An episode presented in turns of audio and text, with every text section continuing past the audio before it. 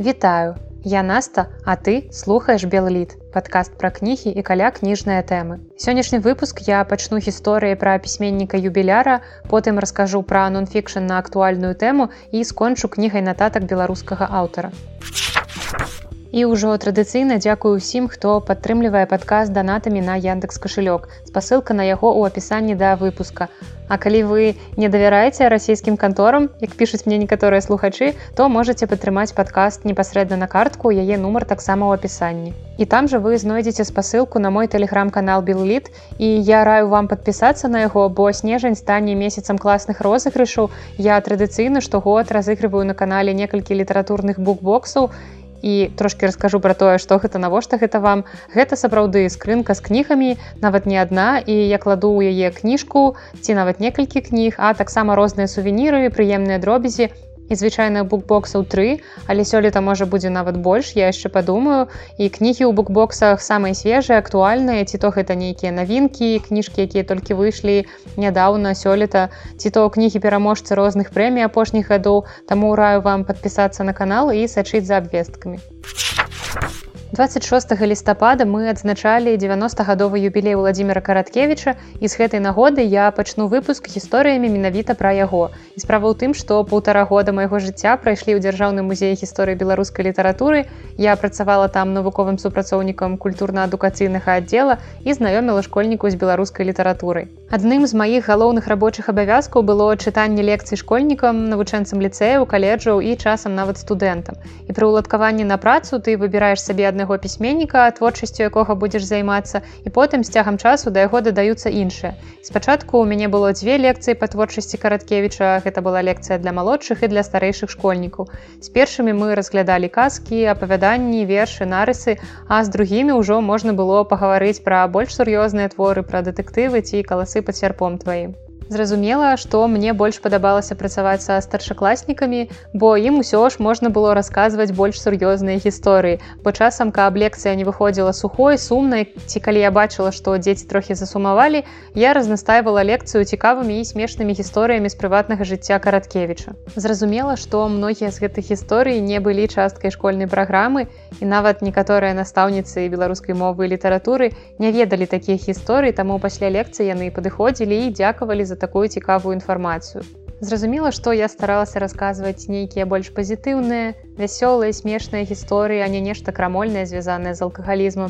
Але мне здаецца, што не варта хаваць гэтую інфармацыю ад школьнікаў, Я думаю, што ніхто не здзівіцца ў 9 10 11 класе, калі даведаецца, што класік беларускай літаратуры быў алкаголікам. Мне здаецца, што гэта толькі наблізіць яго да іх, бо яны зразумеюць, што гэта не нейкі партрэт з падручніка, гэта жывы чалавек. Зразумела, не трэба пачынаць урок літаратуры з гэтай фразай паведамляць гэтую інфармацыю, але калі ў вас запытваюць, чаму б не расказаць пра гэта. Бо былі такія выпадкі, калі перад пачаткам лекцыі ў школе да мяне падыходзілі настаўніцы і настойліва раілі не асвятляць гэтае пытанне ўвогуле увогуле. Ну Окей, гэта ваша права, але мне здаецца, не варта хаваць жыццё ад дзяцей. Бо так часам да мяне на працу ў кнігарню заходзяць бацькі, якія шукаюць якую-небудзь кнігу для сваіх дзяцей. Я раю ім класныя кніжкі, але яны калі чуюць, што там ёсць нешта пра смерці, нешта такое, яны кажуць, ой не, нам такога не трэба.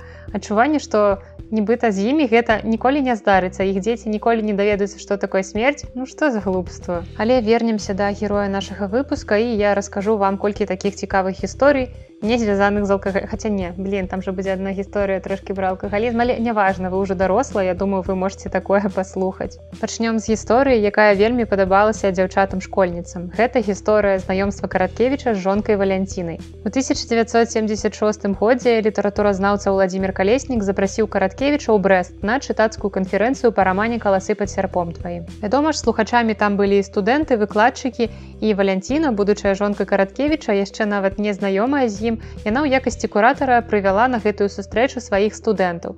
І ёй само мерапрыемства было не вельмі цікавае, бо мы ўсе разумеем, як гэтыя мерапрыемствы звычайна адбываюцца. Дык вось яна ў гэты час ціхенька сядзела ў аўдыторыі і чытала польскі дэтэктыў. Мерапрыемства скончылася, караткевіча завялі ў прафесарскую, там жа аказалася і валянціна. Той самы Владзімир калеснік, літаратуразнаўцы зводнік іх пазнаёміў. Завязалася размова і валянціна спытала караткевіча, чаму б яму не напісаць які-небудзь дэтэктыў. І калі вы абазнаныя ў ягонай творчасці то ўжо думаю пачынаеце усміхацца і усміхаўся сам пісьменнік але ён спытаў які ж дэтэктыў напрыклад. Ён іх пісаў ён іх вельмі любіў і тут валянціна выдала. Ну напрыклад такі як дзікае паляванне караля стаха Справа ў тым, што яна неяк чытала ў цягніку часопіс, дзе была надрукаваная гэта аповесць, але не запомніла аўтара. І тут ужо караткевіч не вытрымаў, зарагатаў і прызнаўся, што гэта ён яго напісаў. І тады Валянціна проста прапанавала пайсці піць каву. Так караткевіч упершыню ажаніўся ў 41 год. Увогуле, калі чытаць успаміны літаратараў, якія сябравалі з караткевічам, то можна ўбачыць, які гэта быў вясёлы чалавек з цудоўным пачуццём гумару. Яго фантазія выдатна працавала не толькі ў бок літаратуры, але і ў звычайным жыцці. І вось зараз будзе гісторыя пра п'янства, таму прыбярыце крыласка дзяцей ад калонак ад навушніку, пра што вы там слухаеце. І тут папярэджанне, што э, празмернае ўжыванне алкагольных напояў шкодзіць вашаму здароўю. Аднойчы караткевіч, зваліўся з лесвіцы п'яны і зламаў руку. Але ж такім адразу не будзеш прызнавацца трохі сорамна і калі караткевіч сустрэў быкова, быкаў зразумела адразу стаў пытацца, што гэта такое, як это здарылася і караткевіч яму давай заліваць, маўляў па дарозе ён сустрэў пяцёрку хуліганаў, якія заліцаліся да дзяўчыны. І ён як сапраўдны джентльмен выратаваў дзяўчыну учыніў з хуліганамі бойку. І дзяўчына была такая прыгожая як ёй не дапамагчы. Толькі вось руку зламалі яму. На наступны дзень быкаў даведаўся сапраўдную прычыну і сябры нават не крыўдавалі бо разумелі што караткевіч не нейкі злосны хлус. Гэта ўсё была добрая бяскрыўдная выдумка але яна дадавала агульнаму вобразу пісьменніка нейкага шарму Таксама вобраз пісьменніка ствараецца з дапамогай яго творчага асяроддзя і гэта цяпер пісьменнік можа ўзяць ноутбук і пісаць дзе заўгодна у кавярні на беразе атлантыкі пад яблыні ў дзядулевым садзе, але для караткевіча быў важным яго рабочы стол. З кожнага падарожжа, а вандраваў караткевіч даволі шмат, ён прывозіў розныя памятныя дробязі, якія знаходзілі сваё месца на стале. Гэта дробныя каменьчыкі, ракушкі, кавалкі цэглы і, вядома ж, рукапісы твору але быў на стале і партрэт аднаго чалавека асобы якую караткевіч не раз апісваў у сваіх творах.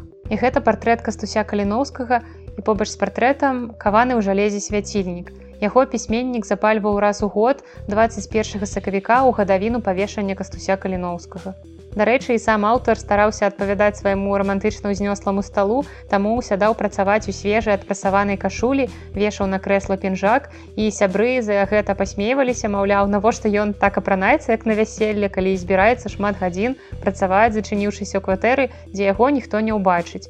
Але караткевіч адказваў, што так трэба. А чаму трэба, ніхто не запытваў, трэба дык трэба. Спадзяюся, вы ўжо зразумелі, што Владзімир Караткевіч сапраўды быў надзвычайна незвычайнай асобай, што праяўлялася не толькі ў творах, але і ў жыцці. І спадзяюся, што для вас гэта стане натхненнем бліжэй знаёміцца з яго творчасцю, бо калі складаць топ-10 аўтараў беларускай літаратуры, з якімі мусіць пазнаёміцца кожны беларус, каб быць адукаваным чалавекам, то імя караткевіча будзе ў гэтым топе на лідарскіх пазіцыях. Ну а першая кніга ў сённяшнім выпуску гэта год без пакупак кейт фландерс. Пераклад на руску выйшаў 2019 годзе ў выдавестве міф гэта нон-фікшн кніга чэлендж сутнасць якога вы можете зразумець з назвы. І я бачу наколькі гэтая тэма стала запатрабаваная ў наш час бо ў моду уваходзіць мінімалізм і ўжо не модна мець поўную кватэру прыемных дробязяў. Усе блогеры ў гэтай сферы сцвярджаюць што мы мусім жыць жыццём аскетаў бо грамадства спажывання прывяло да з'яўлення вялікай колькасці псіхічных расстройстваў. Людзі бачаць у сацыяльных сетках блогераў розных селебрыці нашага часу, якія жывуць паспяховым жыццём і могуць сабе ўсё дазволіць. І людзі пачынаюць думаць, што менавіта ў гэтым шчасце, што калі акружыць сябе дарагімі машынамі і бясконца купляць новае адзенне, розныя рэчы, ты станеш абсалютна задаволеным сабой, шчаслівым чалавекам вельмі гарманічным. Але гэта далёка не так. І скажу адразу, што як аўтарка я гэты эксперымент год без пакупак не праводзіла. У мяне няма праблемаў з шапагалі мінімалізмам я не купляюся за прамілыя штучкі каб прыгожа пыліліся на паліцах. Я за дзень не купляю толькі патрэбныя рэчы і гэта нешта рэдка вельмі бывае з разраду ну просто вельмі спадабалось прадукты бытавыя дробязі я купляю памеры неабходнасці так што я зусім не мэтавая аўдыторыя гэтай кнігі мне просто стало цікава раптам я неяк змагу удасканаліць сваю сістэму пакупак знайду нешта цікавае што мяне сапраўды натхніць неяк яшчэ больш. І спойлер у гэтым плане кніга для мяне аказалася абсалютна бескарыснай Ужо на першых старонках я зразумела, што кніга з такой інтрыгуючай назвай зусім не пра шапагалізм, а пра барацьбу з любымі залежнасцямі. Бо аднойчы яе аўтарка Кейт зразумела, што яе дом перапоўнены непатрэбным барахлом, на крэдытнай карце ў яе вісіць доўг і да таго ж яна пакутуе ад алкагольнай залежнасці і пераядання.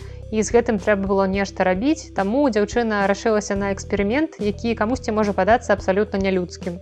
На жаль, карысныя парады пра тое, як перамагчы свой шапахалізм займаюць вельмі малы аб'ём кнігі. І ў асноўным яе назва год без пакупак уводзіць у зман.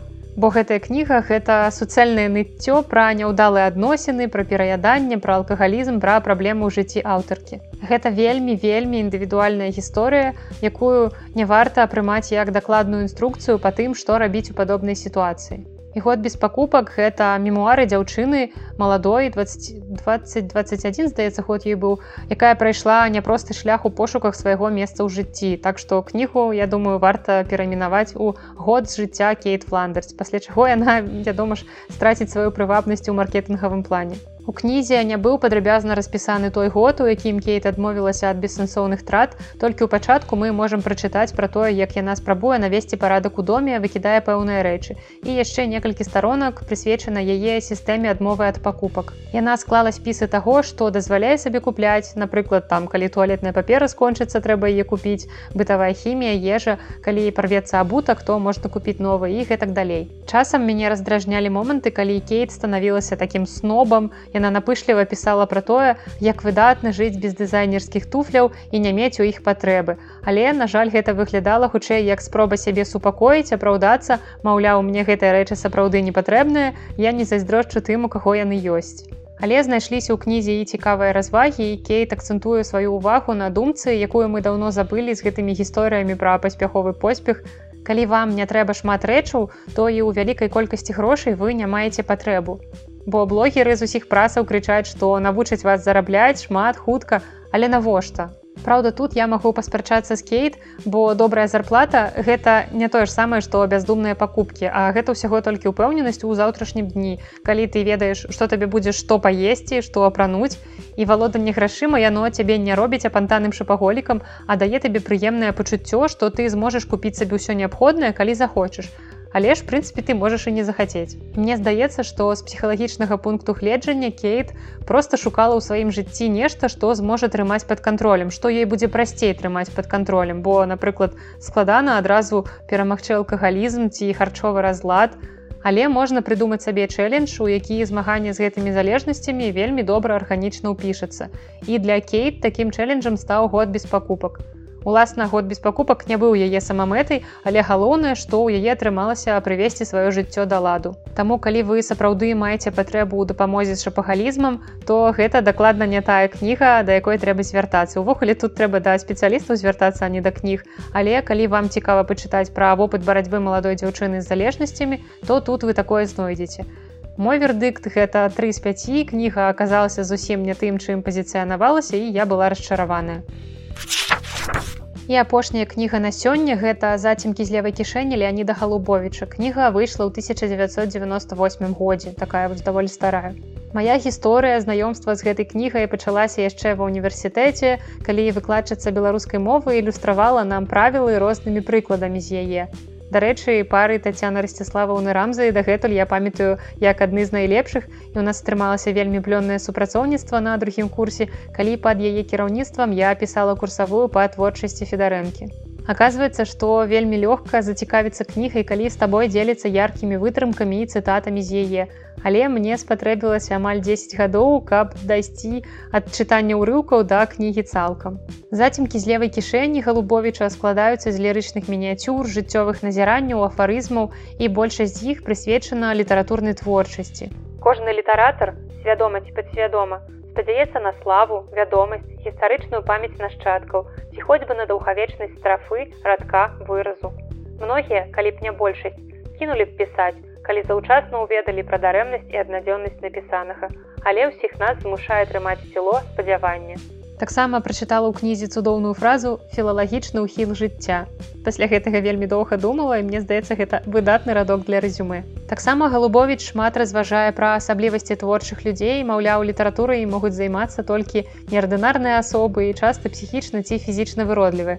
І мне стала цікава, ці адносіць аўтар сябе да такіх. Таксама ў кнізе мноства зацімак пра паэзію, бо Галубович увогуле паэт. Яшчэ ён расказвае гісторыі пра калег літаратараў і часам гэта даволі анекдатычныя выпадкі напрыклад пра шамякіна. Шамякін на радзе саюза пісьменнікаў беларусі даводзіў што пры фінансавай мэтазгоднасці можна аб'яднаць газеты лім голас радзімы наша слова культура адно маўляў толькі важна захаваць пры гэтым традыцыйны назоў будучай аб'яднаны літаратурна-мастацкай газеты літаратура і мастацтва Гэта як пад адной вокладкай змясціць тэксты шамякіна на вуменкі чыгрынова, а на супервокладцы аўтарства пазначыць абрэвіятурай саюза пісьменнікаў Беларусі. І яшчэ некалькі цікавых успамінаў пра Анатоля сыса. Хлопец, рэдактар на беларускім радыё, атрымаў пакой у інтэрнаце на ангарскай. Калі ён адчыніў дзверы, то ад нежыці там у яго заняло дых. І што, тут калі-небудзь людзі жылі? Так адказала камендант, тут жыў паэт сыс. Рэдактар доўга наводзіў марафет, усё вымеў, вычысціў, выдрыў, пабяліў і пераклеіў шпалеры. Неўзабаве сваё былое жытло наведаў захмелены паэт. Пераступіўшы парог, ён паўмёртва зірнуў на сцены і збялеўшы панікла выдыхнуў: « Ты садраў шпалеры. О засранец, мае шпалеры, там жа былі занатаваныя ўсе даўгі. Як жа я цяпер ведаць мог, хто і што мне вінен. І другая гісторыя таксама пра сыса. Прыходзіць не надта п'яны сыс у рэдакцыю ліму. Там вярцінскі ў атачэнні супрацоўнікаў. Сыс і кажа да ўсіх, звяртаючыся да Анатолія Ліча. Анатоль, ты ўсё-ткі застанешся ў гісторыі беларускай літаратуры. Вярцінскі расплываецца ў задаволенай усмешцы. Сыс ляпае яго па плечуку як нічога не было дадае, абавязкова застанешся я табе верш прысвяціў некаторыя мініяцюры з кнігі нагадваюць дзённікавыя запісы бо ў іх аўтар дзеліцца надзённымі перажываннямі і часта закранае вечныя тэмы жыцця і смерці і па-філасофску над імі разважае таксама расказвае і пра сям'ю напрыклад мяне павесяліла такая гісторыя як неяк галубович сядзеў назіраў як яго малая дачка гуляе ў двары з дзяўчатамі чую іхныя галасы з кустоўя што нарасло каля самага пад'езду суседскія Ксения, смотри, какая веточка красивая, давай обломаем. Моя. А вось каб ішлі якія-небудзь дзядзькі і сказалі, паглядзі, якая ў гэтай дзяўчынкі ручка прыгожая, давай адкруцім. О Господі думаю, выхаванне жончына, а літаратурны троп мой. Ну і нікуды не падзецца ад палітыкі яе на старонках кнігі таксама шмат. Адзіны, хто заўжды прайграе ў палітычных гульнях, гэта просты народ. Хлеб спрашу прабачэння. Толькі ён ідзе ва банк з пустымі кішэнямі і з шасцёркамі на руках. Ну і зараз будзе пра сумнае. Чытаю я галубовіча, чытаю, нават атрымліваю задавальненне, прыкмячаю нейкія трапныя назіранні, з чымсьці пагаджаюся, з чымсьці палемізую. І тут ён як напіша чарговае глупства пра жанчын. То яны літаратурнымі крытыкамі няздольныя быць, то літаратурнай творчасцю ім не абавязкова займацца, такі абсалютна тапорны сексізм і аўтар нават не адчувае, што нешта не так бедныя гэтыя цёмныя бабы, куды ім у літаратуру лезці варыце баршчы. І чым галубовіч у гэтыя моманты адрозніваецца ад прэзідэнта, якога так не любіць і якому ў кнізе прылятае яшчэ часцей, чым жанчынам. І той казаў, што на беларускай мове нельга стварыць нічога вялікага, а гэты кажа, што жанчыны ні на што не здатныя ў літаратуры. І тэмы выказвання ў іх розныя, але вузкалобасць адна. І каб не быць галаслоўны, я прывяду цытаты. Жанчына як крытык, не больш, чым білетрыст У іх ад прыроды не крытычная логіка, яна ў іх мацярынская, а значыць суб'ектыўная. І яшчэ адна падобная цытата. На мой суб'ектыўны погляд, жанчынам не абавязкова займацца літаратурнай творчасцю. Яны ніколі не напішуць твор роўна вялікі таму, што маюць самі сябе. Ладна, хоць дадае тут пра суб'ектыўны погляд і нібыта ўзвышае жанчын, маўляў, яны і без літаратуры самі па сабе вялікія, але ўсё роўна гэта хутчэй так, нібыта бабы вы і так класныя не лезьце ў літаратуру але далей я сустракаю яшчэ наступнае. Жанчына, пачынаючы з твайго свядомага дзяводства, фізічна і ўнутрана падрыхтаваная да гвалту. Больш таго, падсвядома чакае гэтага. Мужчына дзейсны да гвалту толькі інстынктыўна і рэфлексійна. Адкуль увогуле ўзяліся гэтыя псеўданавуковыя думкі. Вось вы ўяўляеце, што было па цывілізаванай краіне, калі б вядомы чалавек, нейкі пісьменнік, акцёр, спявак дазволіў бы сабе такое выказванне. Я думаю, што ён бы доўга пасля яго адмываўся ад потоку чалавечай нянавісці. А яшчэ далей я сустракаю ў кнізе фразу ад стваральнікаў, а часікі тацікаюць. Нарадзіць чалавека ад любімага мужчыны вось вяршыня жаночай творчасці. Усё астатняе ад лукавага. Некалькі гэтых цытат, якія ў часы напісання не лічыліся чымсьці страшным, усё ж не здолелі сапсаваць мне агульнае ўражанне ад кнігі, Таму я раю зацімкі як цікавы літаратурны дакумент, які адлястроўвае эпоху, калі быў выдадзены. І сярод нататак часам з'яўляецца роздум над сучасным станам беларускай літаратуры, сучасным для аўтараў момант напісання кнігі. Сённяшняя літаратура напамінае мне лапушыстую капусту. Зялёных лістоў многа, а качана няма. У кнізе мы бачым супярэчлівыя 90, якія можна параўноўваць з нашым часам, асабліва што тычыцца літаратурных і моўных пытанняў. І на сёння гэта ўсё. Я абяцаю, што ў наступным выпуску не будзе кніг, якія мне спадабаліся не вельмі, будуць толькі тыя творы, якія я бязмежна вам раю, якія мне вельмі спадабаліся за апошні час. І таксама я запрашаю вас ставіць адзнакі падкасту ў iTunes, калі вы слухаеце праз Apple подкаст, а таксама пісаць каментарыі і пакідаць водгукі на іншых пляцоўках. Пішыце проста ўсё, што вам прыходзіць да галавы, чаго вам не хапае ў выпусках, чаго б вы хацелі дадаць, пачуць, пра якія кнігі, я буду рада любой зваротнай сувязі. А на гэтым я развітваюся, з вами была Наста і падкаст Белліт. Да сустрэчы.